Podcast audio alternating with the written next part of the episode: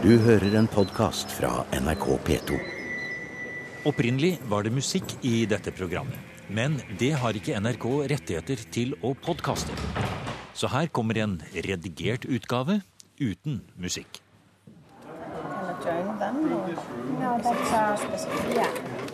Det er folksomt og mange tungemål i vestibylen på Gotlands museum. En eh, stor gruppe britiske turister skal inn for å se kulturarv i verdensklasse. Ingen andre steder er det gjort så mange store funn fra vikingtiden som på denne øya midt i Østersjøen. En liten utstilling i en måned om vikingtidens gull- og sølvsmeder og, og arbeid. Og vi ser jo det er utrolig fingernemt arbeid som ligger bak her. Den romantikken her, det er jo som å jobbe med ting som er mindre enn knappenålshoder. I forrige program fra Gotland vandret vi sammen med professor Geir Atle Ersland langs ringmuren som hegner om Hansabyen Visby.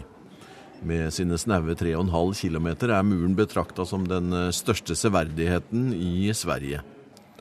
Vi besøkte også to praktfulle middelalderkirker på den gotlandske landsbygda, og da gjenstår det 90 kirker som vi ikke har besøkt. Dette programmet skal handle mest om Gotland i vikingtiden, og da er det lurt å starte med et kart. Kart liker vi. Ja, her ser vi jo et stort kart over vikingenes veier. Og det er jo et kart som viser et veldig langt tidsspenn, kanskje fra 700 til oppimot 1200. Eh, vi vet jo at nordmenn først begynte omkring 11 å seile rundt 1100 å seile rundt Spania og inn Gibraltar. Som sagt, så kartet viser Ja. de gamle hovedveiene nedover som fulgte innover her. Det var i, på elvene, særlig da fra Holmgard, som vi ser her oppe. Inn i Ladoga via det som i dag er St. Petersburg, men som da ikke fantes, for den byen er jo fra ca. 1700, eller ble bygd 1700. Så det er en ny by, men vi ser da de følger elvesystemene. Holmgard har vi her, eller Novgorod, og så videre nedover på de russiske elvene og kommer ut i Svartehavet. Men òg kunne de reise mot Det kaspiske havet og, og virkelig til Samarkand. Altså. Så, så da er, kan vi da tenke oss at disse kriger, eh, vikingkrigerne har virkelig sett mye rundt omkring i verden. Eh, altså De har vært langt utenfor Europas grenser òg. Møtt kulturer som var helt forskjellige fra de, religiøse forestillinger som var helt forskjellige fra deres egne. Eh, og, eh, men veldig mange kom jo faktisk ned her til Miklagard, eller som de kalte altså den store gården, eh, men som er, var deres navn på Konstantinopel, der den østromerske keiseren hadde sitt hoff og palass. Eh, Sjøl Sigurd Jordsalfaret, som vi i dag først og fremst forbinder med at han reiste til Jerusalem, han hadde jo eh, ifølge saga en svært viktig rolle eller oppdrag han ville ha utført ved å reise til Miklagard, eller til Konstantinopel. Og det som blir sagt i sagaene, er jo at det kom menn til han som ville at de, kongen skulle følge de til Miklagard fordi de ville gå i tjeneste hos den bysantinske eller østromerske keiseren. Eh, og det hadde jo Sigurds oldefar gjort òg, ikke sant. Som var Harald Hårråde. Han hadde jo vært her og reist opp igjen. Det er spennende å se på disse her, som altså, går inne på ja. selve kontinentene. altså. Ja, og kartet her er jo veldig fint fordi at det viser jo hvor sentralt Gotland er i dette Ja, bildet. ja. Det, Ja, det er flest streker, eh, Ja. ruter, akkurat eh, rundt Ja. der. eh, nå kan du si det kan en jo Sånn kan en jo manipulere et kart òg, ikke sant. Men, men i forhold til Norden og, og denne tidlige middelalderen, eh, perioden da, da kristninga foregår i Norden, da kongedømmene vokser fram, og da byene blir etablert, eh, så, så er det dette som er nettverket i, i Norden. Nei. Ja. Vi forlater det flotte kartet i Gotlands museum om vikingenes reiseruter og tar en tur ut i byen. Geir Atle Ersland er middelalderhistoriker ved Universitetet i Bergen, og vi starta på hans spesialområde Bryggen i 2012, om handelen med Hansabyenes mor. Og så har det gått slag i slag. Ja, vi begynte jo i Bergen. Ja. Så vi er jo på vei baklengs i historien. Vi snakker om eh, nyere forskning om hanseaterne i Bergen på 1500- og 1600-tallet, og Bryggen-restaurering og Hanseatisk museum. Og så har vi beveget oss tilbake til eh, Lübeck noen hundre år lenger bak i historien. Og Mhm. for å finne ut hvor hanseatene kom ifra til Bergen. Og så er vi nå på sporet av hva som i hele tatt satte hanseatene i gang, og det var handelen på Østersjøen. Den er hovedruta for den hanseatiske handelen. Det var først å komme seg inn i handelen som gikk over Gotland, den som Visby og ikke minst de gotlandske farbøndene eller fjernhandlerne hadde kontroll med. Og hvor kom de ifra? Jo, de hadde vært eh, i Novgorod, eller det som vikingene kalte for Holmgard, og henta varene sine der. Og når du kom inn der, da kan vi komme tilbake til 1000-tallet og 900-tallet. Og, og da eh, var det veien sørover herfra på de russiske elvene, så kom du til Europas desidert største by på den tida, nemlig Konstantinopel. Der den østlige romerske eh, keiserdømmet fremdeles eksisterte. De færreste ser jo ut til å være klar over at det romerske riket gikk ikke under i 476. Eh, det var eh, den vestlige delen som gikk under da. Den østlige besto i 100 år, nei, 1000 år til, fram til tyrkerne erobra Konstantinopel i, i 1453. Så eh, vi kan altså bevege oss denne ruta. Nå er vi på Gotland, og så kan vi reise videre eh, østover og komme noen hundre år lenger bakover i historia. Historia til de egentlige vikingene, og, og til eh, ikke minst til eh, den rike byen Novgorod, da, som, eh, som jo tilhørte òg den østlige kristenheten, altså den østlige romerske kirka. Og det ser vi òg spor etter her på, på Gotland. Bl.a. I, i en del kirker som har eh, ornamenter og utsmykninger som helt tydelig er prega av eh, inspirasjon ifra, ifra det, den østlige kristenheten. Med denne bysantinske hymnen eh, gjør vi en utflukt ut av Visby til Garda kirke. I taket der er et av sporene etter østlig påvirkning på Gotland. Ja, nå er vi på vei inn i Garda kirke. Og her er det jo porter inn til selve Ja. kirkegården òg. Med eget hus. Egne hus, ja. Og både ifra nord og sør og ifra vest. Ja. Ja, der òg, ja. Og der. Det har jeg ikke sett Det- før. nei, Sånn De er så markert. Nei. Å, her er også en av de Ja, nå er vi veldig dørene, spent altså. på hva vi ser her inne, får vi. Vel, den var ikke til å åpne. Vi får prøve en annen. Mm. Vi kjører Her.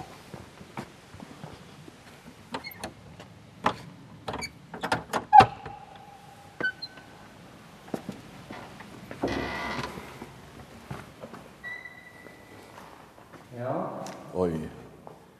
her Se på ser det vi taket, da.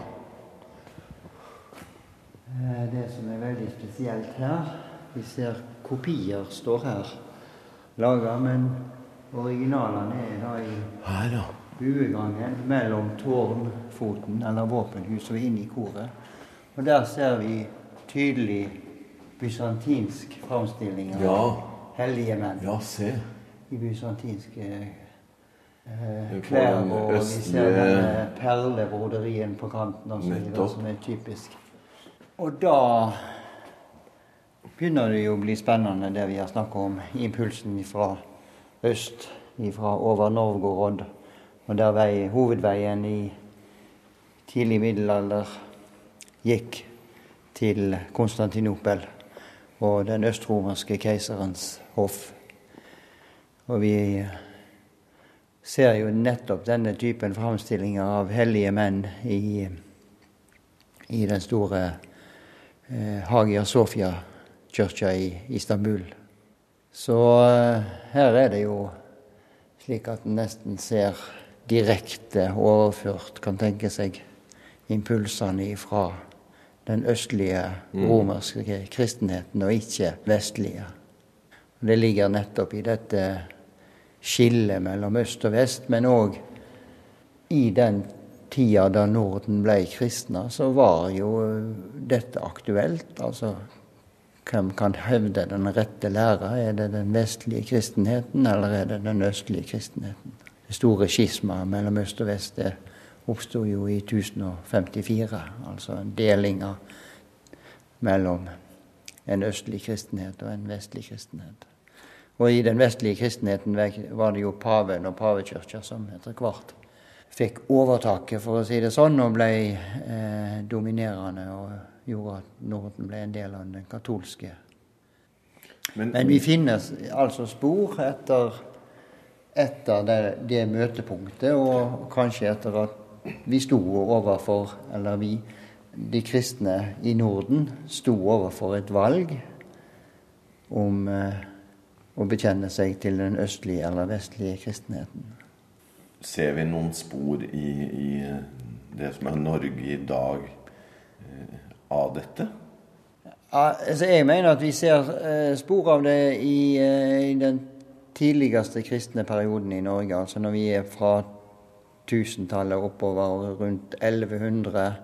Eh, vi ser bl.a. at i Bergen så bygger Magnus nei, Øystein Magnusson, altså broren til jordsalfarer Sigurd, han bygger jo ei apostelkirke i Kongsgården i Bergen. Og apostelkirke det er en type kirke som en bare finner i den østlige kirka. Typisk nok nettopp som kirka til keiseren i Istanbul, eller Konstantinopel det er jo eh, at det sto ei apostelkirke inn i selve keiserpalasset. Så det er jo en spennende å tenke seg at, eh, at impulsene er kommet østfra, og at en har tatt opp i seg eh, ideer om, eh, om eh, kirker og, og kirker og helgener, som er typisk for det østlige. Ja, nå står vi jo på det østligste punktet på Gotland. Eh, ved Hervik, ikke langt fra Katthammersvik. Vi ser nå eh, over Østersjøen. Kunne vi sett langt nok, så ville vi jo se helt til Polen og til Estland og ja. nordlige deler av Tyskland herifra. Sørover mot Lübeck og ja. oppover her kom de?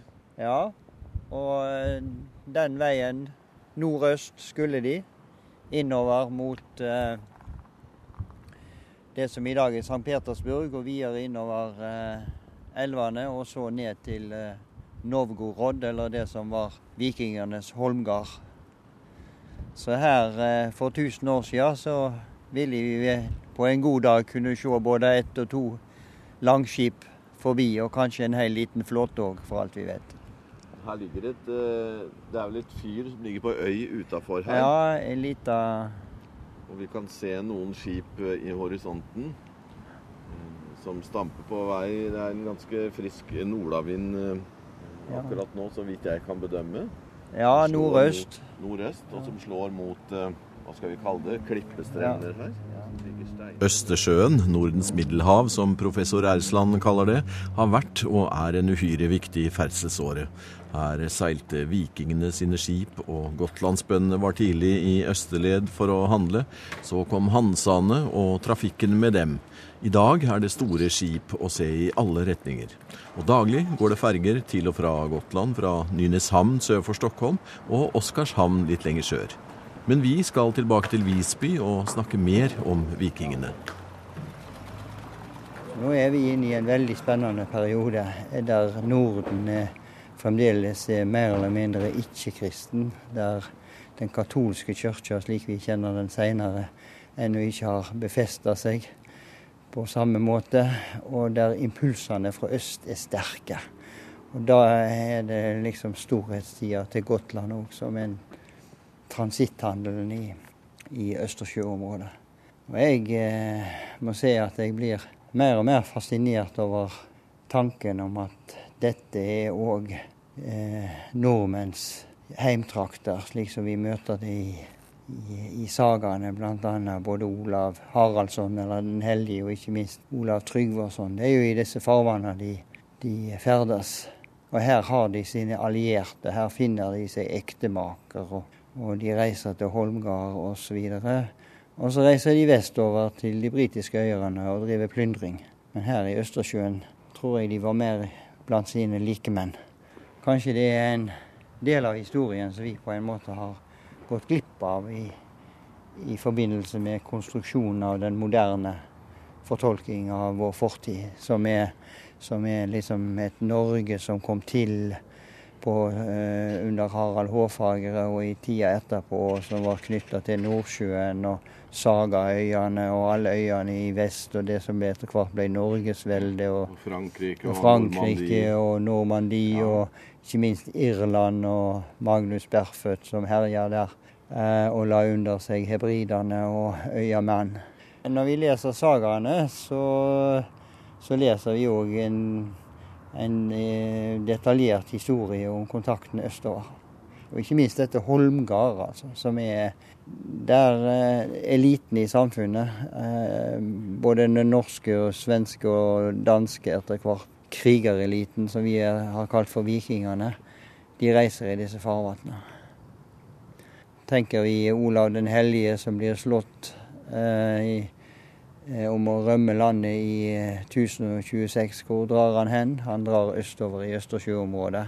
Han er faktisk innom her på Ja. Gotland òg, Ja. ifølge Gutesagaen, som er Eller Gotlandssagaen. Så det er et eller annet her som eh, krever mer forskning, for å si det på en enkel måte. Men det er òg viktig fordi at den vil eh, supplere vår vår eh, kunnskap og en felles historie, og at vi kanskje har et slektskap med, med områdene her østover og det som etter hvert er blitt eh, kalt for slaviske områder, altså det russiske osv. Så, så her ser vi på en måte nettopp i den store bevegelsen. De drar østover og samler krefter, og så setter de inn et angrep vestover. Rett nå går det ikke så godt. Men tidligere så har det jo gått bedre. F.eks. For, for Olav Tryggvason, som, som jo var egentlig eh, gifta seg med en høvdingdatter, en prinsesse her i Østersjøområdet. Men hun døde etter noen år, og da ble han veldig trist og lei seg. Men så rista han det av seg og tenkte jeg får reise vestover til England og plyndre litt. Eh, så, eh, så gjorde han det, og så kom han til Norge og ble konge der. Fikk vi hilsen fra en som sykla forbi her, samtidig som det tårner seg opp en regnbyge, og vi er ikke kledd for det. Men jeg må si, det du forteller nå, så føler jeg meg liksom at jeg nesten er på hjemtrakter. Ja, Som vi kan gjøre når vi er i England og andre Ja. steder. ja. Gå måte finne le her nå. Vi må, var ikke på bryr, altså. Skal vi gå ut ja, vi kan gå ut. sånn? Det, det er eh, en en, eh, i muren. ja, Men her var det tøft ja, her kommer ikke en dråpe gjennom. Det. Ja, det. Her har det ikke, under denne har det ikke regna siden 1300-tallet. Vi står nå i, i en buegang bugang i, i muren eh, som omkranser eh, Ja. Visby. Vi er veldig høyt oppe Vi er nå. værfast. Vi er værfast her. Det pøser ned, Ja. men uh... Det er mulig at de hørte det kom en bergenser til byen. Så jeg tenkte de for han skulle føle seg hjemme, og det, hjemme. Og det gjør den. Jeg føler jeg meg mer hjemme enn en godt er, for å si det sånn. Eh, Jeg har sånn Gore-Tex-sko, så du kan gå helt inn i hjørnet. Så kan jeg stå her. Men det var best inne i hjørnet. Det var- er en veldig fin plan. Snakk om å Ja, veldig flott. Søke tilflukt i historiens underverker. ja.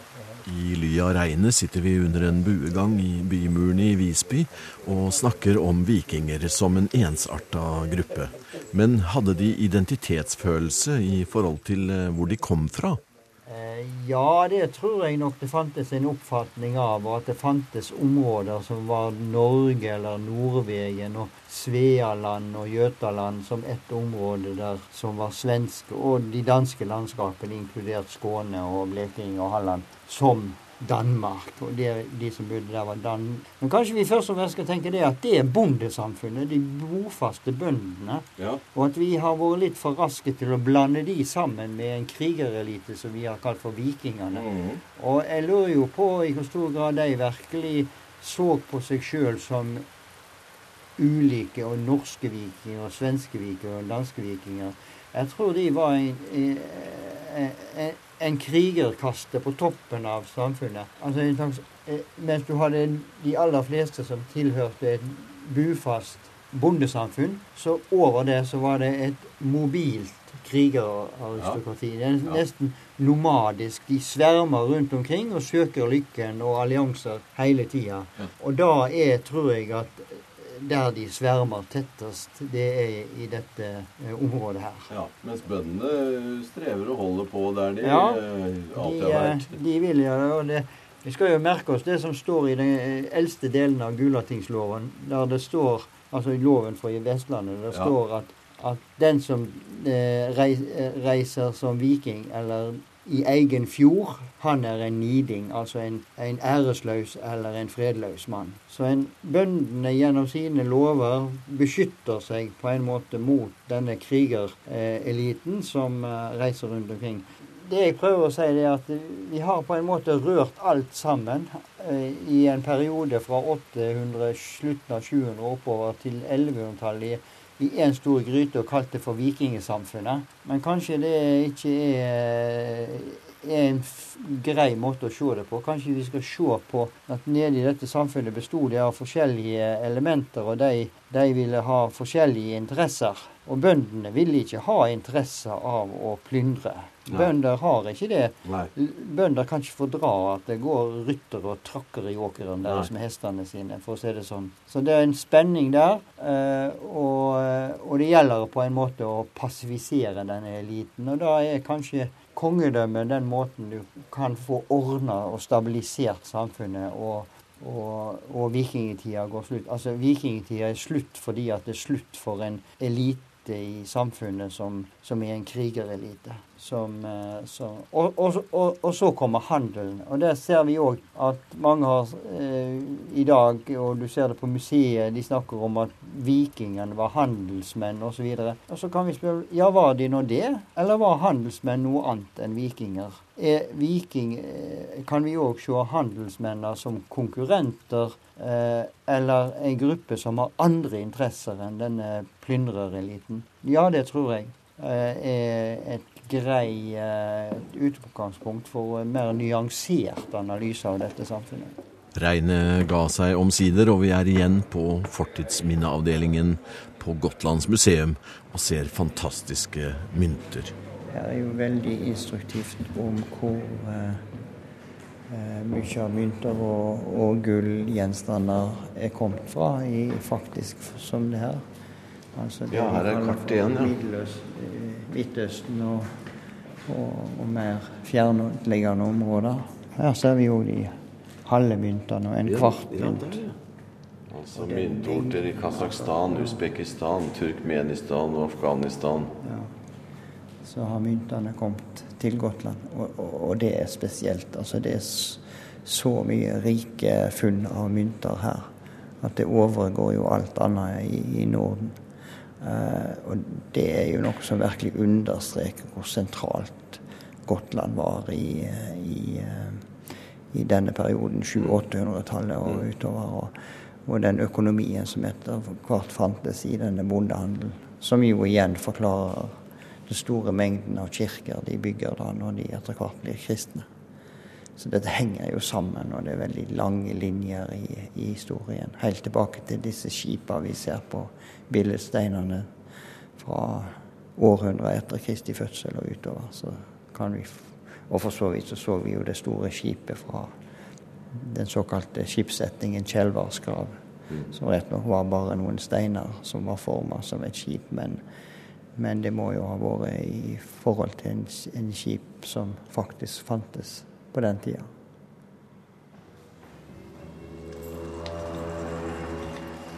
Du har hørt en podkast fra NRK P2.